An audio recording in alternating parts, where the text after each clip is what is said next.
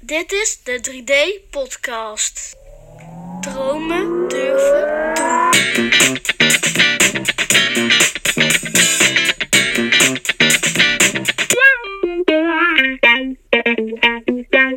doen.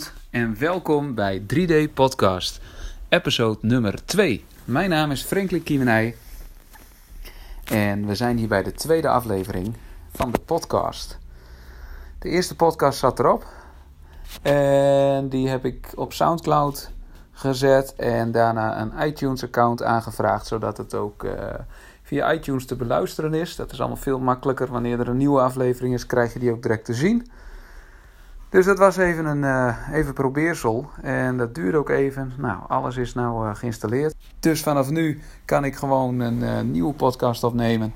En die gewoon lekker uploaden. En dan gaat alles vanzelf. Dus het is allemaal veel makkelijker.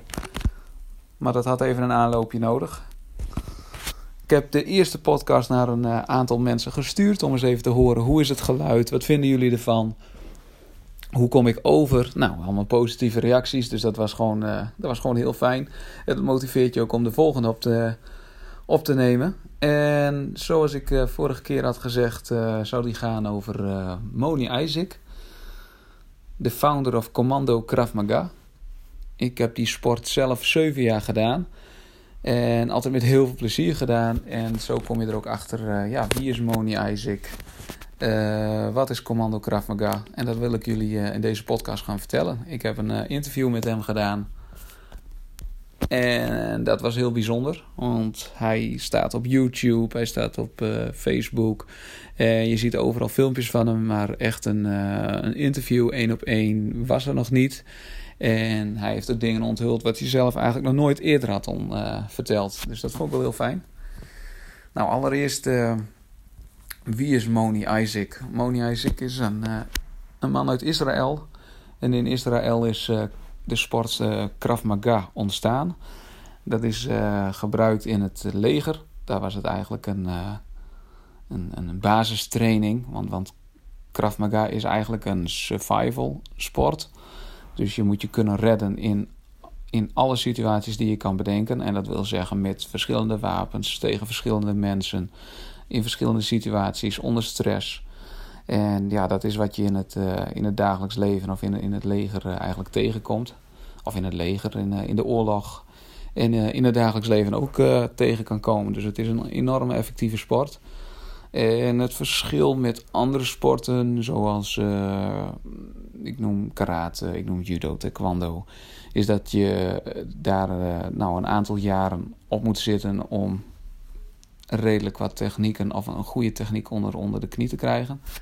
En met uh, deze sport is het een vrij effectieve, ja, effectieve sport en training om in een, nou, in vrij korte tijd jezelf te kunnen verdedigen. En dan natuurlijk in de basis en hoe verder je komt, hoe meerdere en uitgebreidere technieken je gaat leren. Nou, Moni Isaac die is zelf, uh, heeft zelf ook in het leger gezeten. En is daar eigenlijk kwam erachter dat, dat bepaalde technieken van Krav Maga bij hem niet helemaal lukte.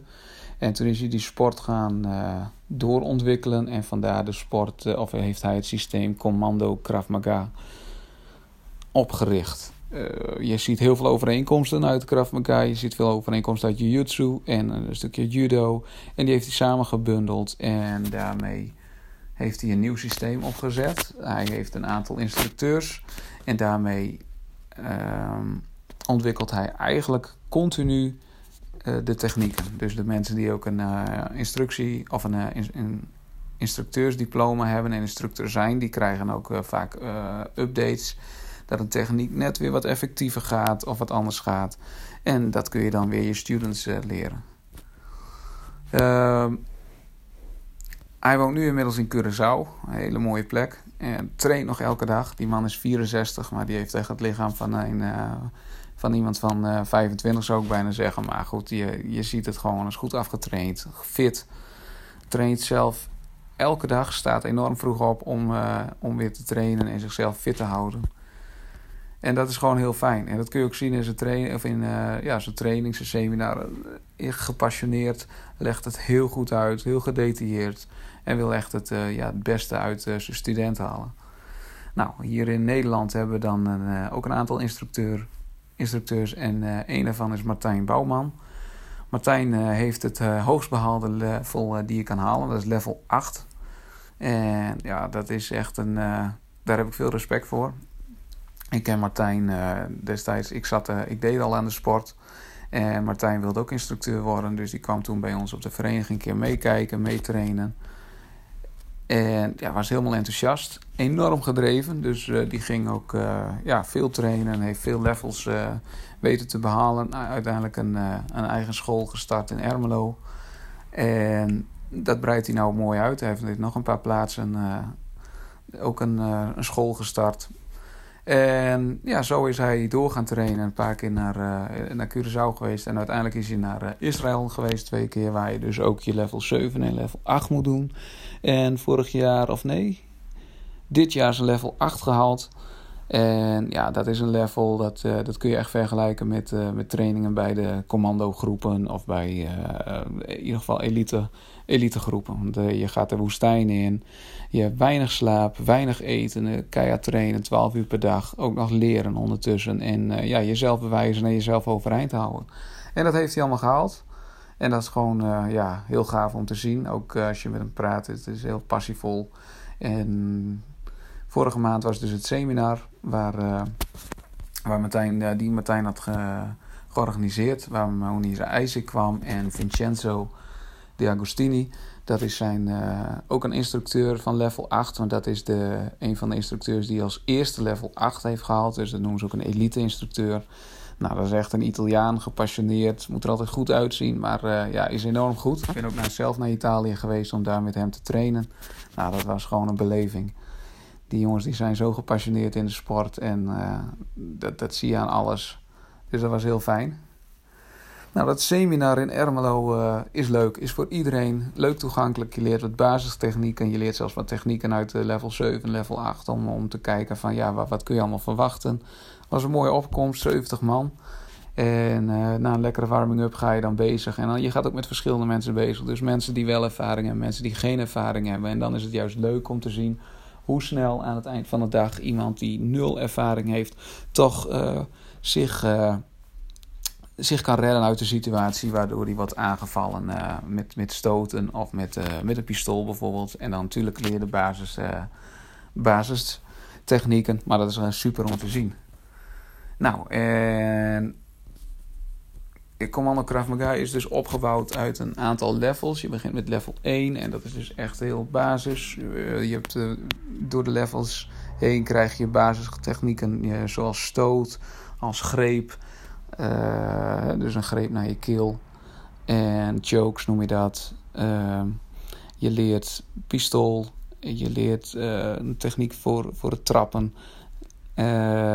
ja, jezelf, jezelf verdedigen in, in allerlei situaties. Hoe hoger je in de levels komt, hoe meer dingen je leert. Dus vanuit een stoel, liggend op de grond of met touw tegen de muur aan. Nou, dat, dat is echt uh, ja, enorm effectief, maar wel met respect. Uh, of je nou voor het eerst binnenkomt of al jaren traint, er is gewoon heel veel respect voor elkaar, heel veel elkaar helpen.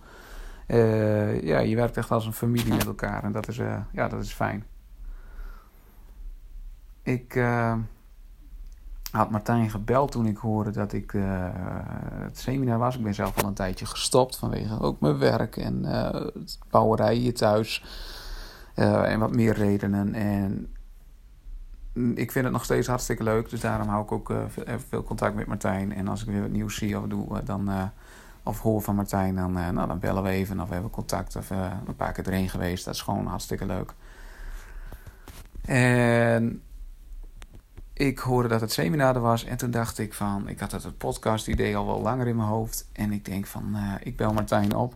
En ik zeg van, joh, als uh, Moni er is, zou je dan kunnen vragen of ik een interview met hem kan doen. Dat lijkt me hartstikke leuk om nou eens uit, uh, van de founder zelf te horen hoe hij nou de CKM ervaart. CKM Commando Krav Maga. CKM klinkt wat makkelijker, dus vandaar dat ik het zo even noem.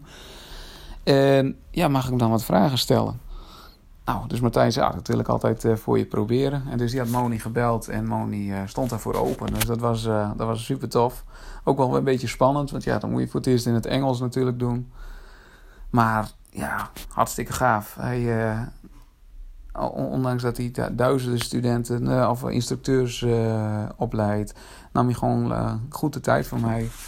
En na, de, na het seminar hebben wij hebben we een interview heb ik met hem gedaan. Gewoon in de zaal waar we ook trainen. En zoals ik volgens mij al eerder had verteld, had ik mijn MacBook mee. En ik had destijds een microfoon een goedkope microfoon had ik en die had ik mee. Dus dat had ik allemaal klaargezet. En ik denk, nou, ga ik daarmee, ik had wat voorbereid, wat vragen. En dan ga ik daarmee het, uh, het interview doen. Nou, dat was tevens mijn eerste les dat jij goed, goed gereedschap zeggen wel is het halve werk. Want ik kwam thuis en vervolgens, ik was helemaal enthousiast. Ik denk direct de MacBook open en het interview gaan afluisteren. Alleen ja, dat resulteerde dus in het geluid dat ik, uh, want destijds in die, in die zaal, daar waren gewoon nog wat kinderen aan het, uh, aan het spelen, aan het voetballen. Dus die geluiden had hij enorm goed opgenomen. En ons gesprek, dat was dus ver op de achtergrond. dus dat was, ja, dat was niet heel erg fijn.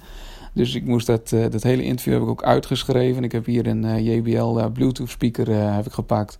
Die heeft standje 30 gedaan. En uh, zo het hele interview afgeluisterd en uh, uitgeschreven. Maar dat was dus uh, met het nadeel dat af en toe als er een bal weggeschoten werd, wat vlak bij ons gebeurde, dan kwam dat binnen als een enorme, enorme knal. En vervolgens moest ik ja, weer heel goed filteren waar het gesprek over ging. Maar uiteindelijk is het gelukt. En ik heb hem hier op mijn laptop. Dus die pak ik er even bij. En dan, nou, dan gaan we eens even door de vragen heen. Zo, even de laptop pakken.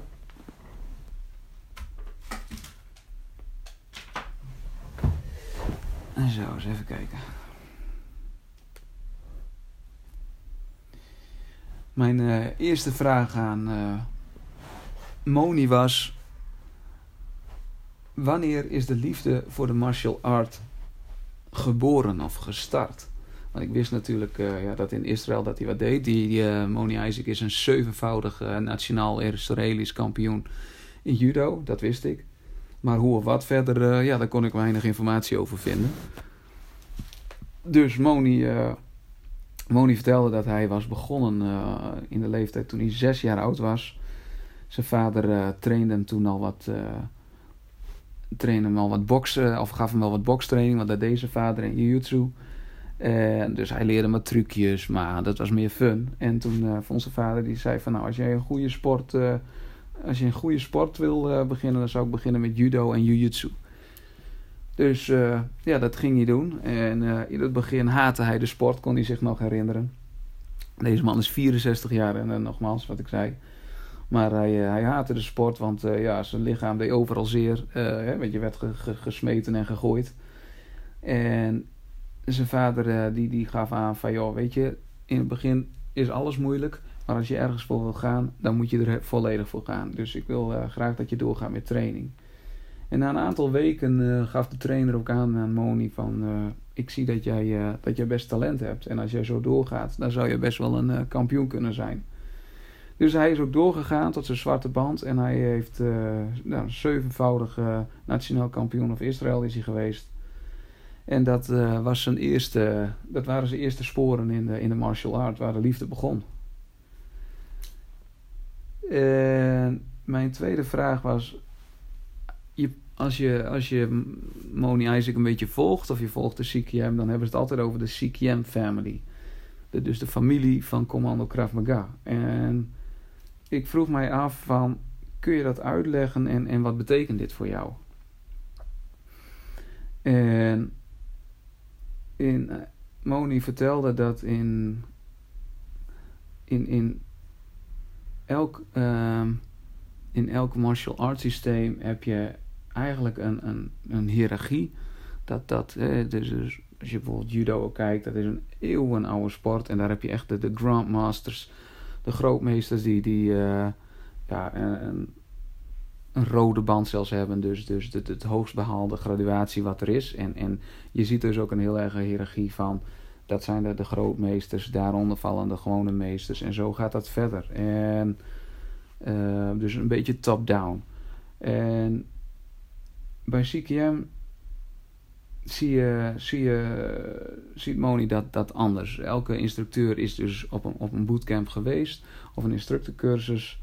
En je, je ziet dat, dat de meeste, of, of alle instructeurs, maar ja, ik ken ze natuurlijk allemaal niet, maar niet agressief zijn of niet trainen om, om agressief of te, te vechten. Er zijn ook geen wedstrijden bij, uh, bij Commando uh, Krav Maga. Dus je uh, traint niet voor een competitie, maar ze trainen om hun geliefden en familie te beschermen.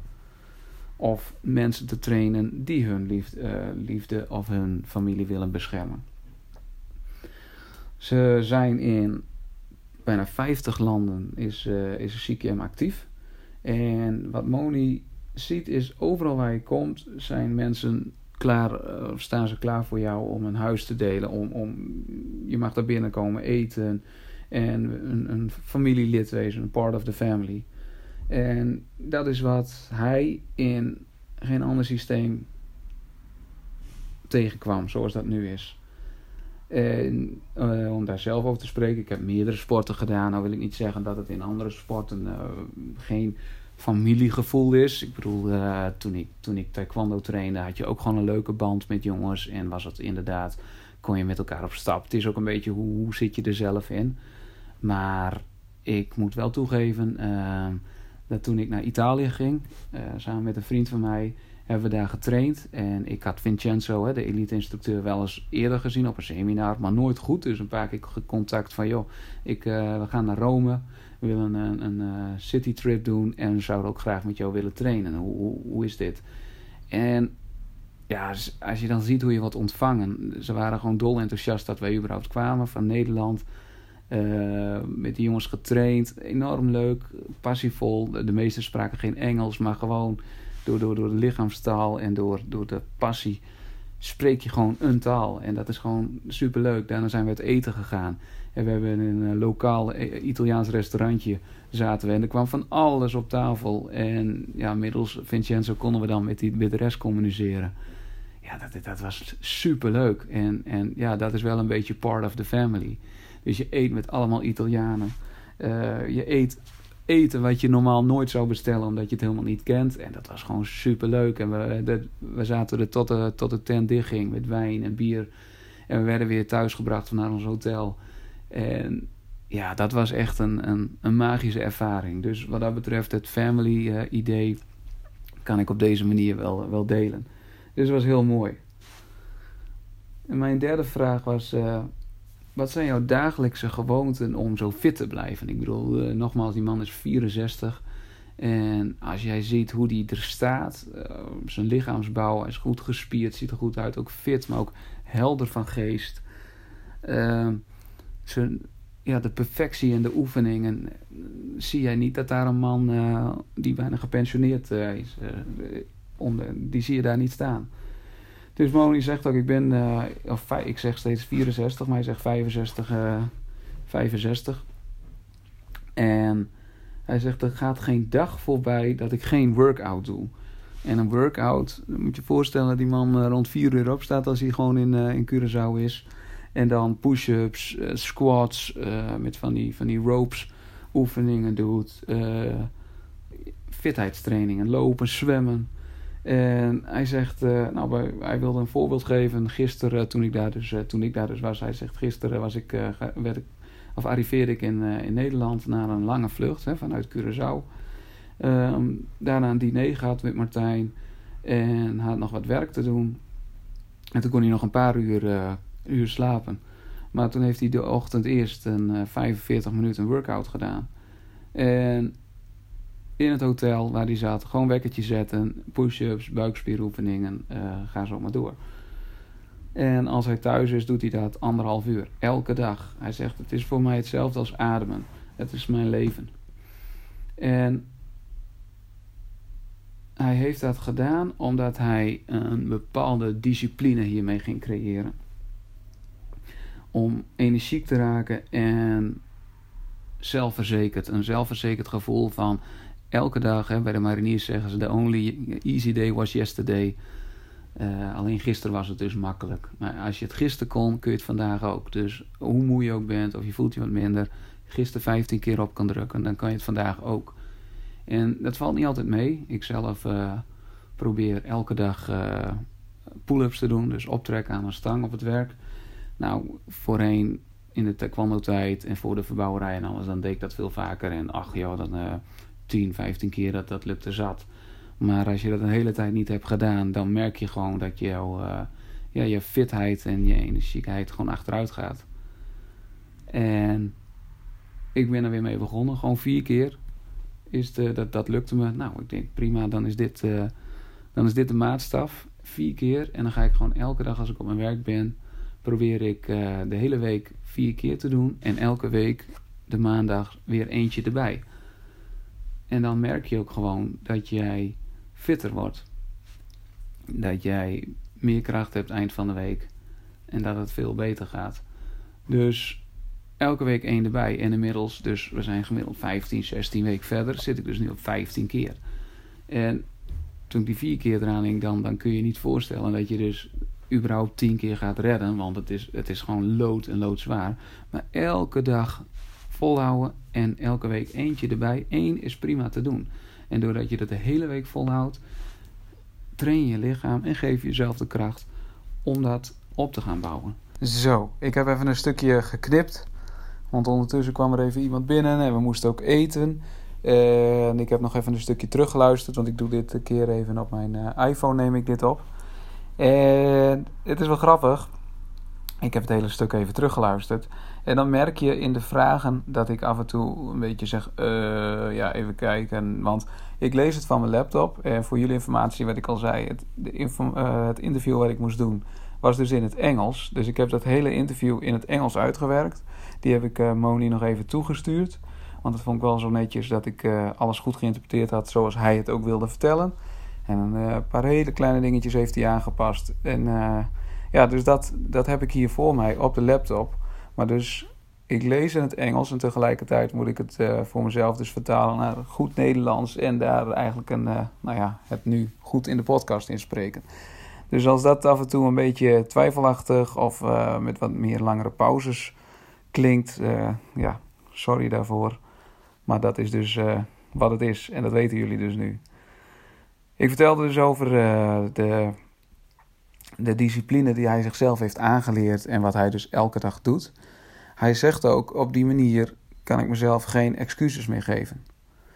Want op het moment dat jij zegt van joh, ik heb geen zin vandaag of het valt wat tegen. En dat gebeurt hè. Ik bedoel, dat heeft iedereen. Je slaapt wel eens minder of je hebt er gewoon geen zin in.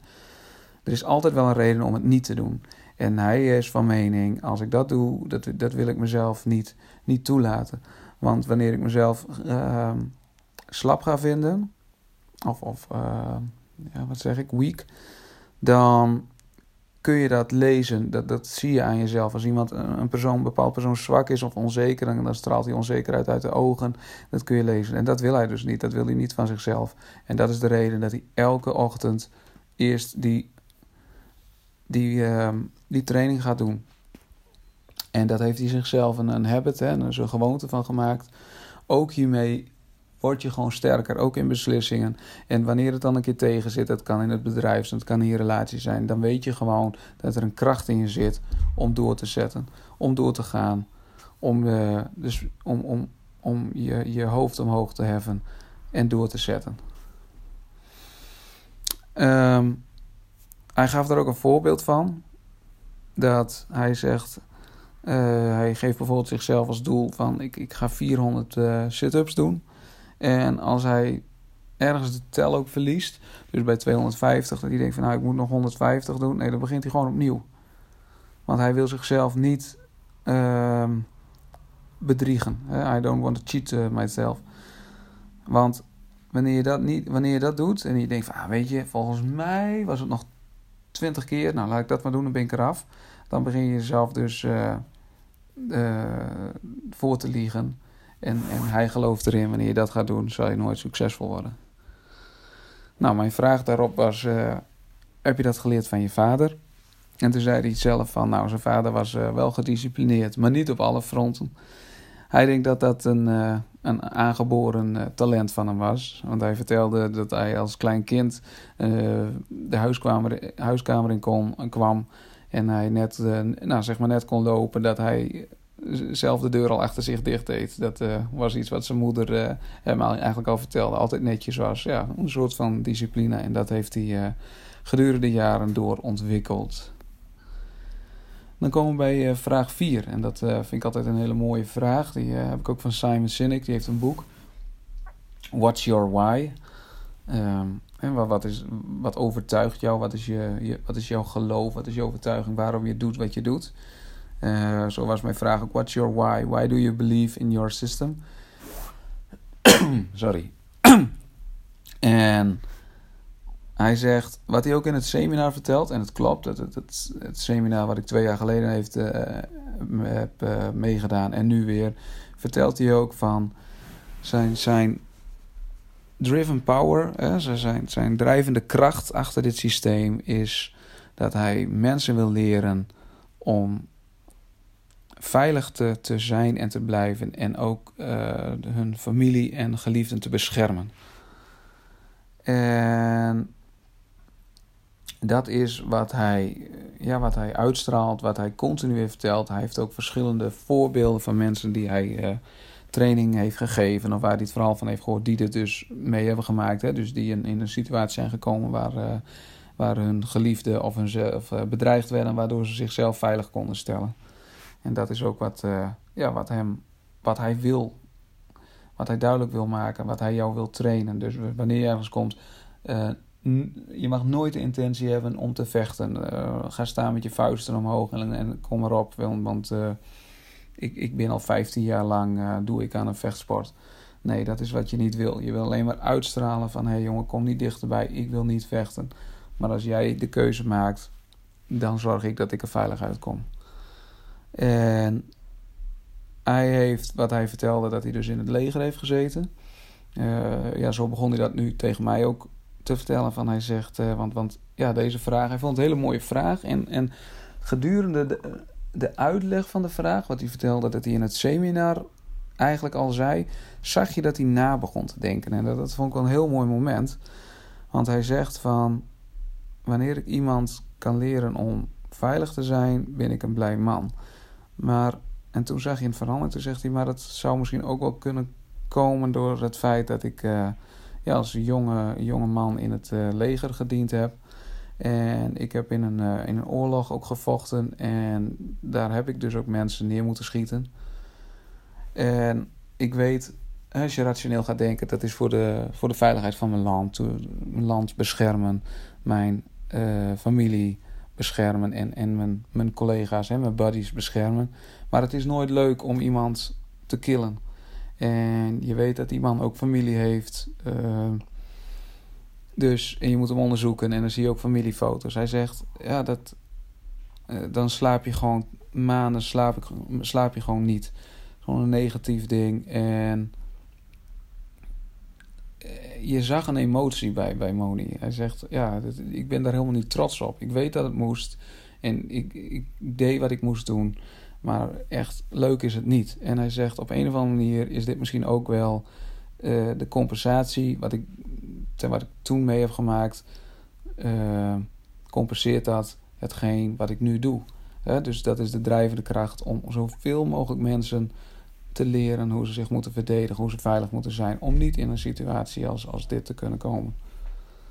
En dat zei hij ook, van dit is eigenlijk voor het eerst dat ik in mijn leven uh, dit vertel. Dus ja, is bijzonder. Nou, ik vond het wel, uh, ik vond het heel bijzonder dat hij dit vertelde. Want ergens zag je, het was het niet een, uh, de, stoere founder man die, die vertelt ja, wat hij allemaal bereikt heeft. Maar eigenlijk ergens diep in zijn hart de, de, de motivatie vertelt van waarom hij dus deed wat hij deed, wat hij doet. En dat vond, vind ik heel mooi, want dat doen we eigenlijk allemaal. We handelen allemaal wel uit, uit veiligheid of uit het verleden. Of we hebben iets meegemaakt uh, in onze jeugd. En, of, of een vader die er niet altijd voor je was, waardoor jij een enorme prestatiedrang hebt. Want wanneer je er dan wel eens wil laten zien hoe goed je bent of wat je allemaal hebt gedaan. Dus we hebben allemaal een bepaalde overtuiging die ergens vandaan komt. En het is echt heel mooi en bijzonder om eens op zoek te gaan waar die eigenlijk zit. En dit vond ik wel heel gaaf dat ik dit uh, met Moni uh, kon bespreken. Nou, mijn, mijn laatste vraag was, want we konden niet uren spreken, want hij, hij had een strak schema, want hij moest weer op het vliegtuig. Want hij vloog naar Zwitserland om daar het volgende seminar te geven. Dus mijn laatste vraag was ook: What is the impact that you want to have on the world? Welke impact, impact wil jij nou op de, op de wereld hebben? En toen zei hij, even in het Engels: The way that I like that people remember me. Dus wat ik graag zou willen, hoe mensen mij moeten herinneren When I'll Be Gone is about the Great Family, hè, de CKM Family, waar ik dus al eerder over vertelde. En hij is gewoon super trots op dat hij in een korte tijd uh, zo'n mooi CKM-systeem wereldwijd heeft neergezet als een familie. Uh, zoals een eerder systeem nog nooit was gecreëerd. En wat hij wil bereiken is een, is een reality-based system. Dus oftewel een, een, een martial arts system. Dus een, een zelfverdedigingssysteem op de uh, reality based, dus echt op de uh, realiteit gebaseerd. En hij zegt: um, I rather be a student of reality than a master of fantasy. En dat vond ik wel heel mooi. Dat hij zegt van, goh, ik wil liever de student zijn van de realiteit. Dus veel voorbeelden blijven volgen, veel dingen oefenen veel filmpjes kijken van hey, hoe gaat het nou op de straat? Wat gebeurt er nou? Wat, wat is de bedreiging die er vandaag de dag is? Uh, dan de Master of Fantasy. Dus allemaal mooie voorbeelden bedenken wat eventueel kan. En daar hele mooie trucs op gaan, uh, gaan bedenken. En dat was het interview. Uh, hij vond het heel leuk. Hij ja, bedankte mij ook. Hij zei ook dat hij het echt ja, leuke vragen vond. Mooie vragen. Mooi om een keer zo'n gesprek te hebben. En dat vond ik ook dat uh, deze, deze man uh, de tijd voor mij nam. En ja, daar was ik hem ook heel dankbaar voor. En ook voor, uh, voor Martijn. Dus Martijn, als je luistert, hey, super tof dat je dit voor mij wilde doen. En super goed georganiseerd. Ook voor de mensen die nu luisteren, als je een keer die ervaring wil hebben wat dit nou is. Volgend jaar houdt Martijn deze, dit seminar weer. En dat zal op, op Facebook komen, dus zoek het even op op Commando Krav Maga in uh, Ermelo. Nou, wanneer je dit zoekt, dan uh, vind je de website wel. Ik zal de website er eens even bij zoeken.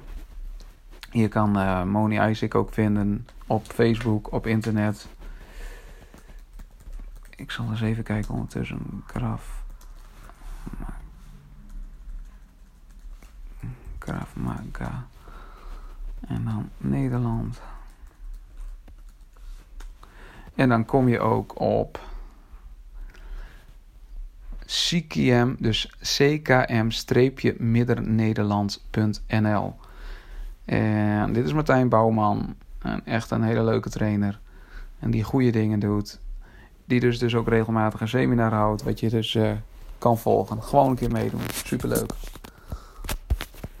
Ja, en dan, uh, ben ik door de vragen heen. Uh, intussen tijd, want ik heb jullie al verteld van nou, ik ga dit niet wekelijks doen. Want dat, uh, het, heeft, het kost best wel wat tijd. Ook het opnemen, uh, een beetje editen en uh, online gooien. Dus ik doe dit gewoon ja, wanneer ik er ook tijd voor heb. Probeer het ook zo goed mogelijk voor te bereiden. Wat al wel heel cool is, dat heb ik vorige keer ook gezegd. Maar deze week heb ik contact gehad met Inzo van Zanten. Dus volgend jaar, begin januari, ga ik met hem een, een Skype call doen. Uh, hij is de evangelist van Tony Chocolonis. Heeft ook bij de Eindbazen een hele mooie podcast uh, gedaan. En ik ben uh, super enthousiast en nieuwsgierig om met hem een interview te gaan doen over zijn droom om de cacaowereld 100% slaafvrij te maken. Dus daar heb ik al super veel zin in. Intussen ben ik ook bij Bright Day geweest. Dat was drie weken geleden inmiddels alweer een heel leuk tech-evenement. Ook voor de kinderen heb ik, uh, hebben we ze daar meegenomen als een soort van Sinterklaasverrassing. Want daar was Royalistic. Nou, iedereen die het uh, spel Fortnite kent, die kent Royalistic ook. Want dat is een van de betere spelers. Met een, uh, met een enorm groot fangehalte. Want toen wij daar kwamen en hij opkwam, zaten er een paar honderd kinderen vooraan te schreeuwen en te juichen dat hij opkwam en mee te kijken hoe Fortnite werd gespeeld. Wat ik zelf heel gaaf vond was de Hacksmith. Die was daar ook. Ik, ik had eerlijk gezegd nog niet zoveel van die, uh, van die man gehoord. Dat is uh, James. En die man die heeft een, hij is een mechanical engineer uit Canada. En die maakt, net als de Mythbusters, die, die, die doen allerlei onderzoeken. Is hij iemand die heel veel houdt van Marvel films. En die trucs en de, de, de, trucages, de wapens, de, de shields, alles wat erin voorkomt, heeft hij gewoon nagemaakt. En wil hij gewoon kijken van, kan ik nou een shield die magnetisch is of een hamer van 30 kilo die in een film alles kapot breekt, kan ik zo'n ding namaken? En kan ik dit, uh, ja, de, de, de, trucages die ze in de film doen, evenaren hier in mijn eigen uh, uh, werkplaats? Nou, dat, daar is hij voor de hobby mee begonnen. En vervolgens heeft hij er een keer een YouTube-filmpje van gemaakt. En dat ging helemaal viral. Die man heeft bijna 8 miljoen uh, abonnees. En zijn filmpjes worden miljoenen keer bekeken. Nou, ik, uh, ik liep daar rond. Helemaal als een blije kip natuurlijk. Om, uh, omdat ik allemaal weer kansen zag. En vervolgens, op het moment dat ik eraan dacht, loopt, loopt James achter mij langs. En heb ik hem aangesproken van... joh, ik, ik doe podcast over dromen durven doen. En dat lijkt mij het verhaal van jou helemaal bij passen. Zullen we een keer een podcast maken? Nou, hij zegt van, uh, lijkt me helemaal top. Dus ik, uh, ik ben nou bezig uh, via de mail om contact met hem te krijgen. Dus zodra dat is geweest, ga ik die zeker online gooien. Nou, ik heb hem, zoals vorige keer al gezegd, nog een paar leuke gasten. Ik ga natuurlijk niet alles vertellen. Want jullie, jullie moeten gewoon blijven luisteren. Of er dit jaar nog een komt, kan ik nog niet beloven. Maar hou in ieder geval Instagram en Facebook in de gaten. Want daar zal ik een en ander op gaan zetten. Abonneer ook even op de 3D podcast Dromen durven doen. Wanneer er dan een nieuwe episode online komt, krijg je automatisch een bericht uh, in de bibliotheek. Op deze manier blijf je op de hoogte van deze toffe interviews. En heb je straks inspiratie om ook je eigen dromen waar te maken. Voor nu sluit ik de episode 2. Ik zeg een fijne avond en wees zelf de verandering die jij wil zien. Dromen durven doen.